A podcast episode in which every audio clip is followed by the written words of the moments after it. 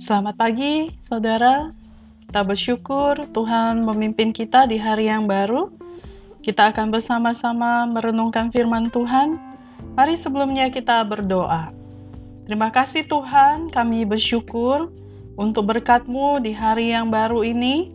Kami bersama-sama akan membaca dan merenungkan firman-Mu.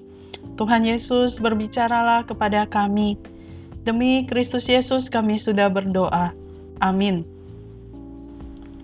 Kebenaran firman Tuhan pada hari ini dari Kejadian 19 ayat 15 sampai 29. Saya akan membacakannya.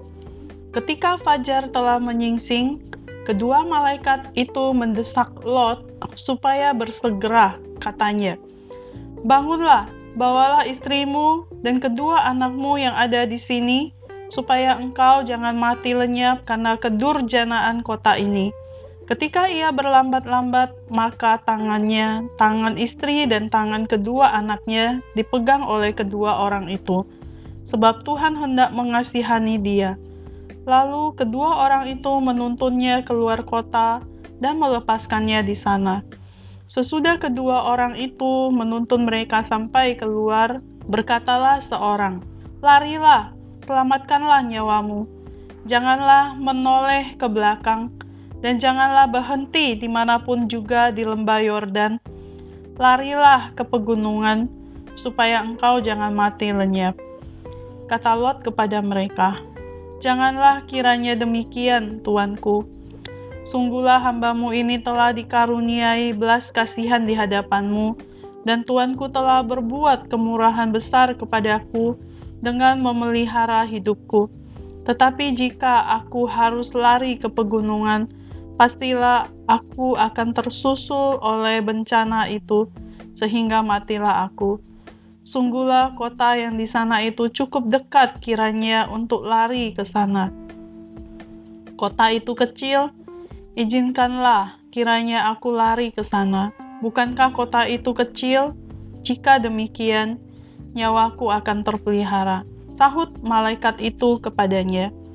Baiklah, dalam hal ini pun permintaanmu akan kuterima dengan baik yakni kota yang telah kau sebut itu tidak akan kutunggang balikan. Cepatlah, larilah ke sana, sebab aku tidak dapat berbuat apa-apa sebelum engkau sampai ke sana.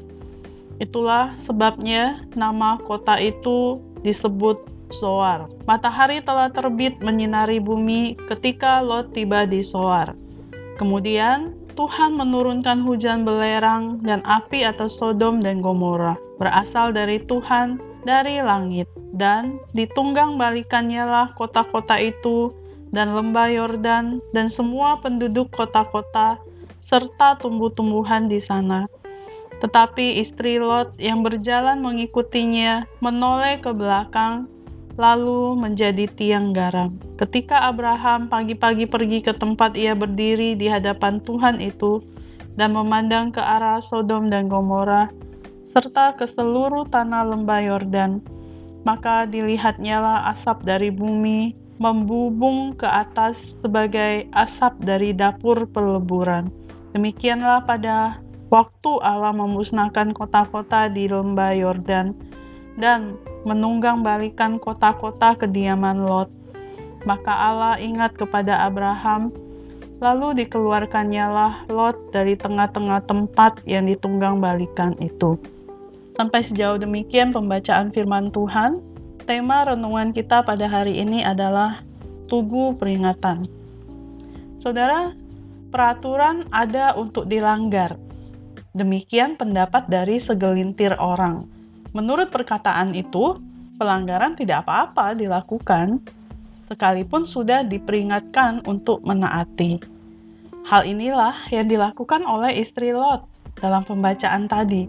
Saat diselamatkan oleh dua orang malaikat, mereka telah berpesan dengan sungguh bahwa apa pun yang terjadi, Lot dan keluarganya tidak boleh menoleh ke belakang. Namun, istri Lot dikuasai oleh rasa ingin tahu dan rasa sayang yang luar biasa atas hal-hal yang dari Sodom, sehingga ia tidak menaati perintah dan menoleh ke belakang. Tindakan itu fatal. Perempuan itu terpaku di tempat tersebut, dan tubuhnya menjadi tiang garam yang ditutupi dan dilapisi endapan belerang. Di situ, tiang itu berdiri selama bertahun-tahun. Sebuah tugu peringatan yang mengerikan tentang ketidaktaatan pada perintah Allah, dan sebuah pengingat tentang karakter Tuhan yang tidak pernah berubah. Bahwa hingga hari ini, tiang-tiang dan bukit-bukit garam masih kelihatan di bagian selatan Laut Mati ketika berusaha untuk mengingatkan murid-muridnya akan akibat yang menyedihkan karena mengasihi hal-hal yang duniawi, Yesus berkata, "Ingat istri Lot." Nah, saudara, adakah kita mengasihi hal dunia lebih daripada kita mengasihi Allah?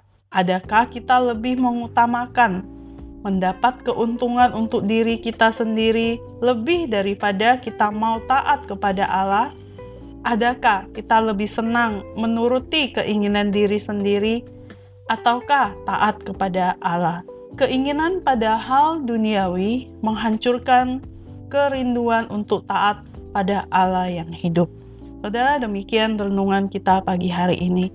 Mari kita terus belajar untuk taat hal-hal ketidaktaatan di sekeliling kita, ada tugu-tugu peringatan yang mengingatkan kita tentang akibat ketidaktaatan, kiranya itu terus boleh mendorong kita untuk mengasihi Tuhan dan taat kepada Dia.